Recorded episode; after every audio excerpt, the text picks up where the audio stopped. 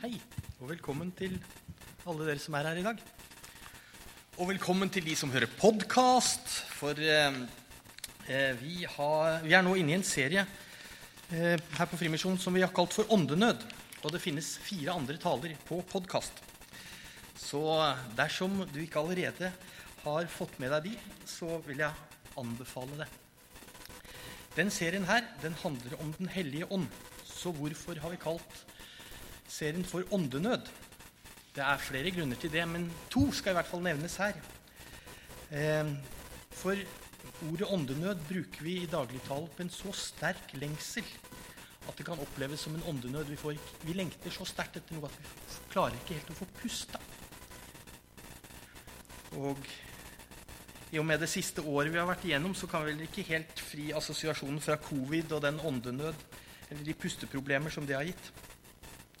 For snakker vi om åndenød når vi har vanskelig for å puste, så har vi det både når vi anstrenger oss, eller når vi er sjuke, eller hva det måtte være. Vi trenger å få pusta mer, både ut og inn. Og Hensikten med denne serien er at vi har ønsket at den skal skape en lengsel etter å bli bedre kjent med Den hellige ånd. En lengsel etter å bli ledet av Gud. Og så er jo dette ikke, Dagen i dag er jo ikke pinsedag, da. Sånn at vi forgriper begivenhetene lite grann. Eh, mest for at dere skal være godt og vel forberedt. Men vi er én uke på forskudd. Eh, så det, det, er en, noe dere kan spare på til neste søndag. det her. For å si litt om meg sjøl jeg er ikke så veldig glad i å fly. Og jeg syns fort det blir mye turbulens. Jeg opplever, det har sikkert opplevd det, det, dere også, men det er ulik grad av hvordan vi plages av det.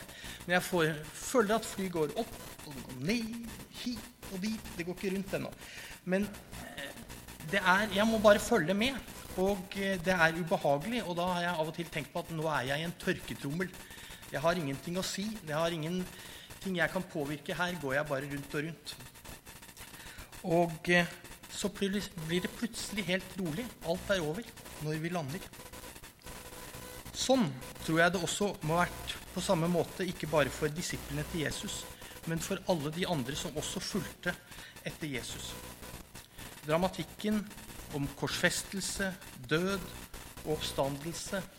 Og deretter så har han 40 dager sammen med dem, der han gir dem omsorg og forklarer dem alt det de ikke har forstått til nå. Så tar han farvel. Og det var på torsdag. Det var Kristi himmelfartsdag, som vi markerte nå på torsdag. Og de har fått beskjed om at de skal vente. Og da tror jeg det blir helt stille. De har vært gjennom tørketrommelen, og nå venter de. Jeg vet ikke hvordan det er med dere, men jeg er ganske utålmodig. De venter på Den hellige ånd. De vet ikke hva som kommer, men at noen kommer. Og det ser ut til at Gud har ganske god tid. De venter og de venter i ti dager. Jerusalem, byen de oppholdt seg i, var en by som ble besøkt av mange. Og til de jødiske helligdagene så kom det ekstra mange til byen. Den jødiske påsken var en av de viktigste feiringene, og eh, der kom det svært mange til byen. Vært, jeg har lest noen steder at det kom opptil 500 000 tilreisende til påske. Og Deretter så følger jødisk pinse. Den kommer 49 dager etter påske og varer i to dager. Og de feirer to ting. Den ene eh, tingen de feirer, er at Moses mottok loven fra Gud.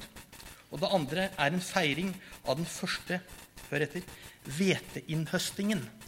De har et litt annet klima enn oss.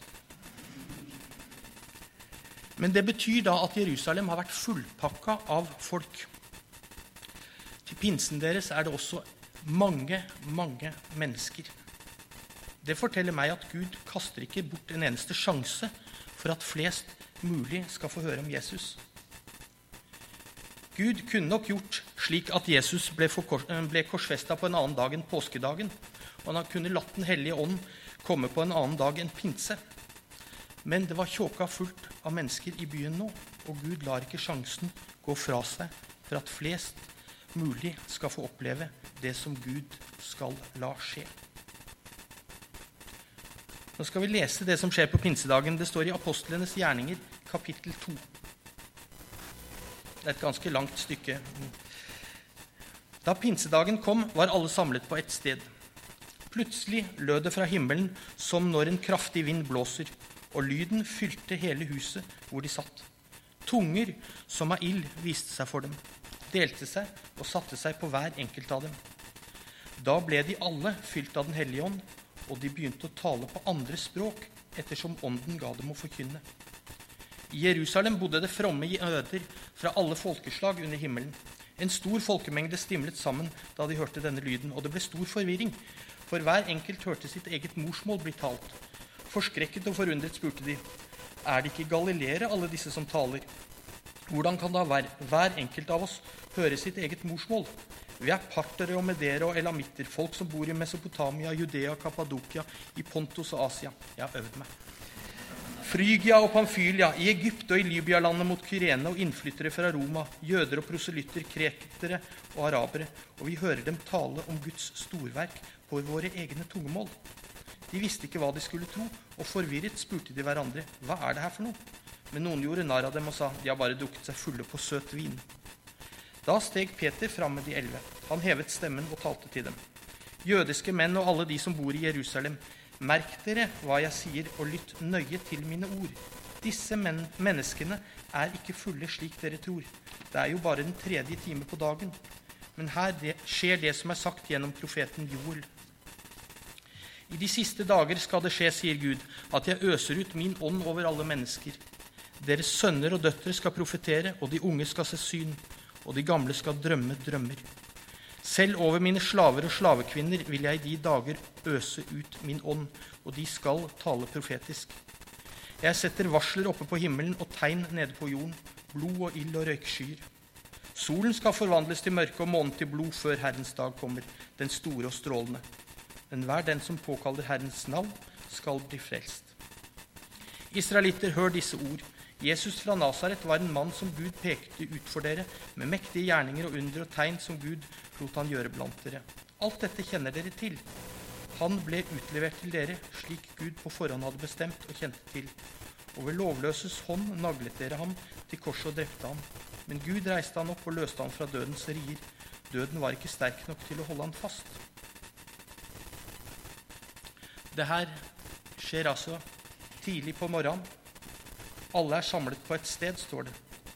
Og, og, så er det noe som skjer.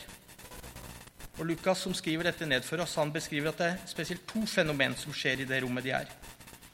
Først så kommer lyden av en voldsom vind. Det er noe som de alle hørte, de alle så, og de alle følte. Det var et fysisk nærvær som kom fra himmelen.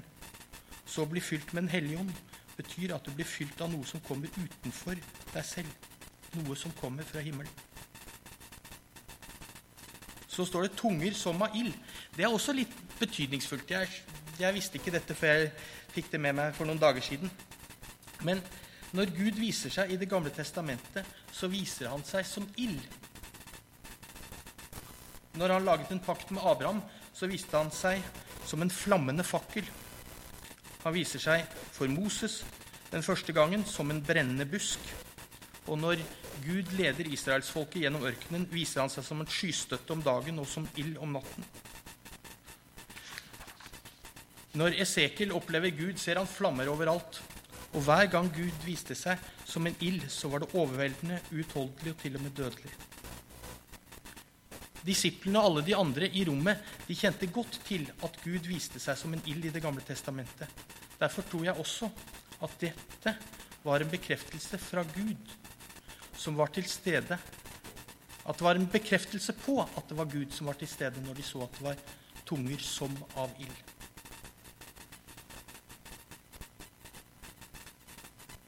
Så på pinsedag så er nå hver eneste troende en brennende busk.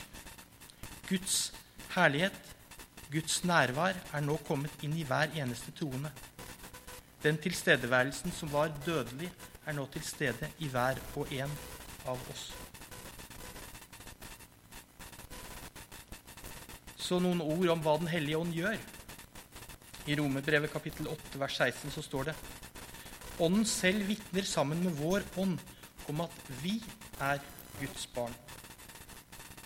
Galaterne 4 vers 6 står det. Fordi dere er barn, har Gud sett, sendt sin Sønns ånd inn i våre hjerter, og ånden roper 'Abba, far'. Derfor er du ikke lenger slave, men sønn, og er du sønn, så er du også arving, innsatt av Gud. Jobben til Den hellige ånd, eller oppgaven til Den hellige ånd, for å si det sånn, er å fortelle deg om Guds kjærlighet til deg. Han ser på deg som en skatt, og at du er hans barn.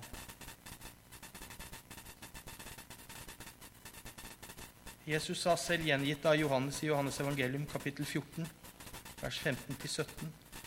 Dersom dere elsker meg, holder dere mine bud. Og jeg vil be min far, og han skal gi dere en annen talsmann som skal være hos dere for alltid. Sannhetens ånd, som verden ikke kan ta imot, for verden ser han ikke og kjenner han ikke. Men dere kjenner han. For han blir hos dere og skal være i dere.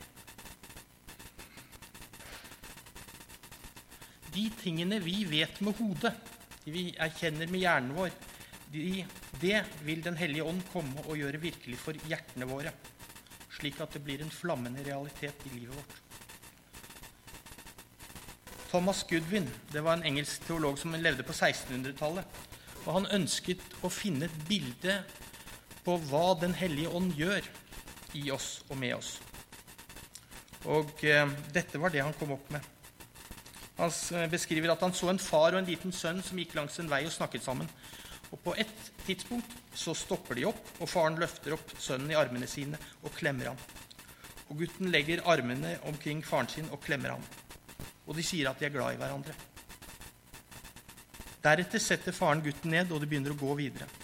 Så spør Gudvin var den lille gutten mer av en sønn når han var i faren sine armer, enn da han gikk ved siden av faren på gata. Og det var noen forskjell. Ifølge loven, ifølge jussen, så er svaret nei. Det er ingen forskjell. Gutten er like mye en sønn når han går på gata, som når han løftes opp i armen til, til faren sin. Objektivt sett så er deres forhold akkurat det samme. Men subjektivt og eksistensielt så er det en enorm forskjell. I sin fars armer så opplever gutten sin fars kjærlighet og han opplever det å være sønn av sin far. Og Det betyr at når Den hellige ånd kommer til oss, så vil vi, vil vi kunne kjenne vår fars armer. Det er en bekreftelse på den vi er. Det du vet med hjernen, blir nå en bekreftelse for hjertet. Og da vil det gå opp for oss alle sammen at når Gud, som er så mektig, elsker meg så høyt, han liker meg, han har gjort uendelig mye for å frelse meg, han har betalt prisen for det selv. Han sier at ingenting kan skille oss. Han vil holde fast ved meg. Hva annet i livet kan da ha like stor betydning? Det er Den hellige ånd gjør.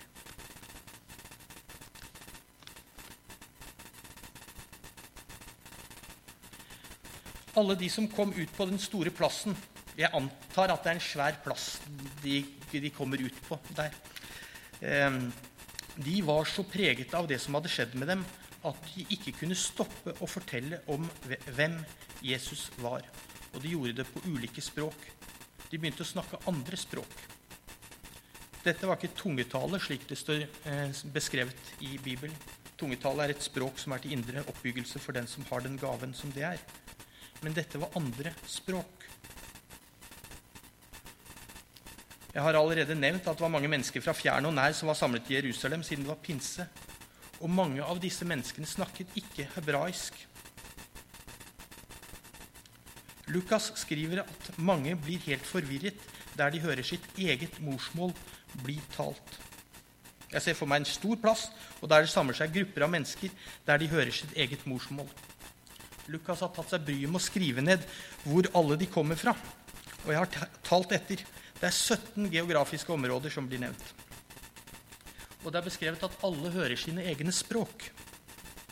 Det betyr at det må ha vært flere enn de elleve gjenværende disiplene som var til stede i det rommet der Den hellige ånd kom. Flere enn de elleve som står på denne plassen og taler. For du kan kanskje flere språk, men du kan ikke tale flere språk samtidig til en folkemengde. Du må holde deg til ett. For oss betyr det at Gud ikke bare har ett språk han snakker. Gud snakker til alle mennesker på alle verdens språk. Muslimene hevder at Koranen er uoversettelig til, an, all, unnskyld, er uoversettelig til andre språk. En oversettelse vil derfor kun regnes som en fortolkning. De sier at Allah forstår når jeg eh, tiltaler han på norsk, men jeg har ikke fullt og helt del i Allahs vilje uten at jeg forstår arabisk. Det vi får beskrevet her i apostelens gjerninger, er det motsatte. Gud snakker til oss på alle språk. Han har ikke et favorittspråk. Nettopp derfor er det viktig å få oversatt Bibelen til alle verdens språk. Og hele eller deler av Bibelen finnes nå på 3400 av verdens 7300 språk. Det er en organisasjon som heter Wycliffe Bible Translators, som jobber nettopp med det. Det ble startet av en misjonær i 1942 som mente det var av den største viktighet at man kunne få lese Bibelen på sitt eget språk. De har bidratt til flere enn 700 oversettelser siden de ble stiftet. Og de har som mål å starte en bibeloversettelse på hvert eneste språk som mangler en bibel innen 2025. Jeg måtte spørre Helle her nå rett før møtet starta, for jeg mente jeg hadde hørt et rykte. Eller ikke, ikke et jeg hadde lest et eller annet sted. Og så måtte jeg bare få det bekreftet. Men hvis man kommer til et nytt land som et barn og skal lære seg det eh, nye språket i det landet, så er det viktig også å få opplæring på sitt morsmål. Det er viktig for å kunne kommunisere med de som, de som eh, bor i det gamle hjemlandet. Men det er også viktig fordi at ved å lære morsmålet så vil du lettere og bedre kunne lære det nye språket. Og jeg syns det er helt fantastisk at Gud har en omsorg for oss med at han ikke bare snakker ett språk, men han snakker med oss på alle verdens språk.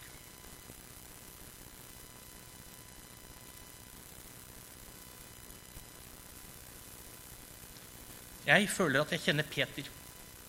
Peter står det mye om i Det nye testamentet, og jeg har hørt mange prekener om Peter, så jeg føler at han kjenner jeg litt til. Jeg har jo selvsagt aldri møtt mannen.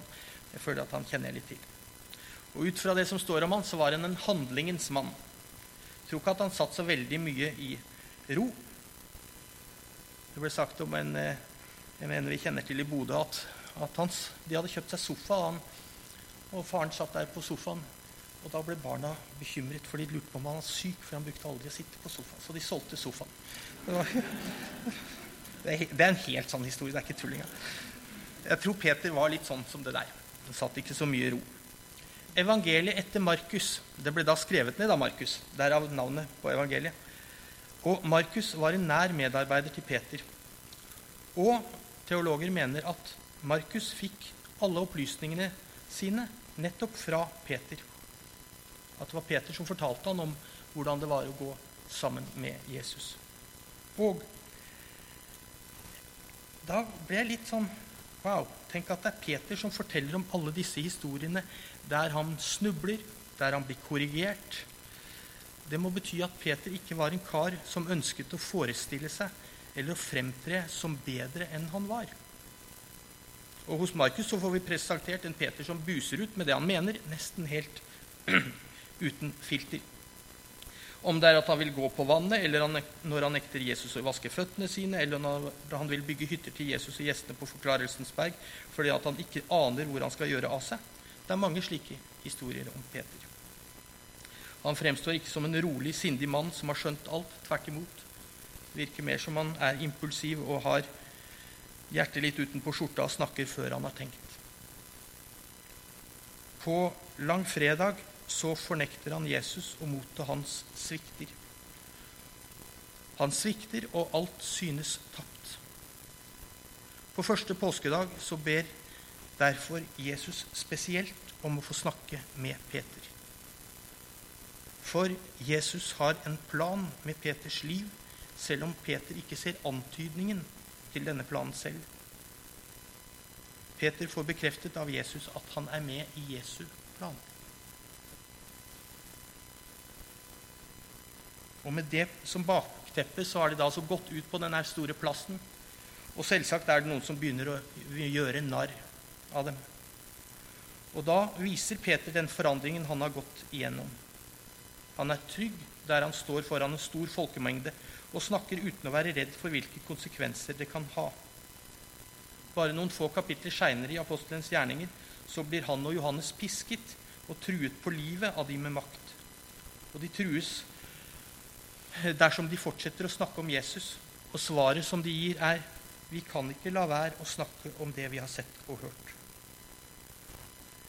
Den Peter som står fram på pinsedag, er en helt annen Peter enn den det står om i evangeliene. Han har gjennomgått en stor forandring.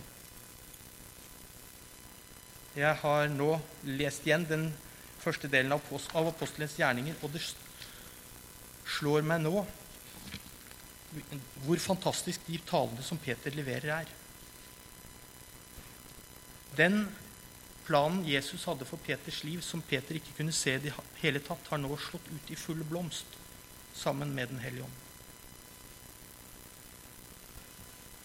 Jesus fortalte sine disipler at hele Det gamle testamentet pekte fram mot ham. Dette må ha kvernet i hodet på Peter og alle de andre disiplene da de hørte det. Og på pinsedag så begynner Peter nettopp med dette. Han refererer til det profeten Joel har sagt. Og før han begynner, så sier han at det er jo det her som skjer i dag. I de siste dager skal, skal det skje, sier Gud. Jeg vil utøse min ånd over alle mennesker. Sønner og døtre hos dere skal tale profetiske ord. Profetiske ord betyr å undervise om Gud. De unge menn skal ha syner, og de gamle blant dere skal ha drømmer. Selv over mine treller og trellkvinner vil jeg i de dager utøse min ånd, og de skal tale profetisk. Menn og kvinner er inkludert. Ung og gammel er inkludert. Selv de som er aller nederst på den sosiale rangstigen, slavene, er inkludert i Guds plan om å motta Den hellige ånd. Over alle mennesker. Hvorfor begynner så Peter med å, ut, med å referere til de gamle profetene? Han, det gjør han fordi han visste hvem han hadde foran seg. Det var jødiske menn og kvinner som var vel kjent med sin historie, og de visste hva profeten hadde sagt om det som ville komme. Peter talte til dem om noe de kjente til, og etter hvert så kommer han inn på at den Jesus han forteller om, er den Messias de venter på. Og Litt senere i kapittelet så står det kort og konsist de som tok imot budskapet, ble døpt, og den dagen ble 3000 lagt til menigheten. Det må ha vært litt av et friluftsmøte. Den hellige ånd er fra da av til stede i de kristnes liv. Hver dag blir det lagt nye mennesker til menigheten. Peter refererte til det Gud sa gjennom profeten Joel, at 'jeg vil utøse min ånd over alle mennesker'. Og for, for de første jødene som ble kristne, så oppfattet de det som alle jøder på jorden. Så derfor skjer det noe helt livsforandrende i Peters liv på et senere tidspunkt.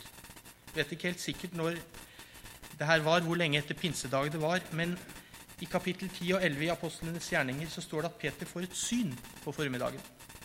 Og Det gjør at han drar til en mann som er en romersk offiser. Han er ingen jøde. Og når han kommer tilbake og skal fortelle om hendelsen, så forteller han dette i Apostlenes gjerninger, kapittel 11. Og det, da jeg begynte å tale, kom Den hellige ånd over dem, akkurat som over oss i begynnelsen. Da husket jeg Herrens ord, at han sa:" Johannes døpte med vann, men dere skal døpe med Den hellige ånd. Når Gud har gitt dem den, sanne, den, samme gaven som vi fikk da vi kom til tro på Herren Jesus Kristus, hvem er da jeg at jeg skulle hindre Gud? Da de hørte dette, slo de seg til ro, og de lovpriste Gud og sa:" Så har da også Gud latt hedningene få vende om til livet, selv med 70 timers kjøretur. Fra da av var alle ikke-jøder inkludert i det fellesskapet. Resten av den boka som heter 'Apostlenes gjerninger', handler om hvordan Den hellige ånd fører og leder apostlene frem. Og Paulus sier på en av sine reiser, eller forteller om en av sine reiser at vi hadde tenkt å dra dit, og så prøvde vi å dra dit, men Den hellige ånd nektet oss. Han ville at vi skulle dra noen andre steder.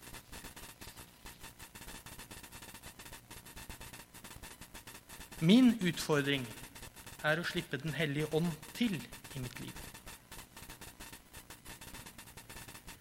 Den hellige ånd kom som lyden av kraftig vind på pinsedag. Jeg har vel mer opplevd han som en mer ydmyk gjest i eget liv, der jeg i min travelhet kan glemme å hører etter den stemmen som hvisker. Glemmer å hvile, glemmer å vente. Glemmer det som er viktig. Jeg skal avslutte med å lese et lite stykke, et lite utdrag fra et stykke som Thomas Sjødin har skrevet. Det er en forfatter som sikkert mange av dere allerede kjenner. Og kjenner han ikke, så bør du begynne å bli kjent med ham.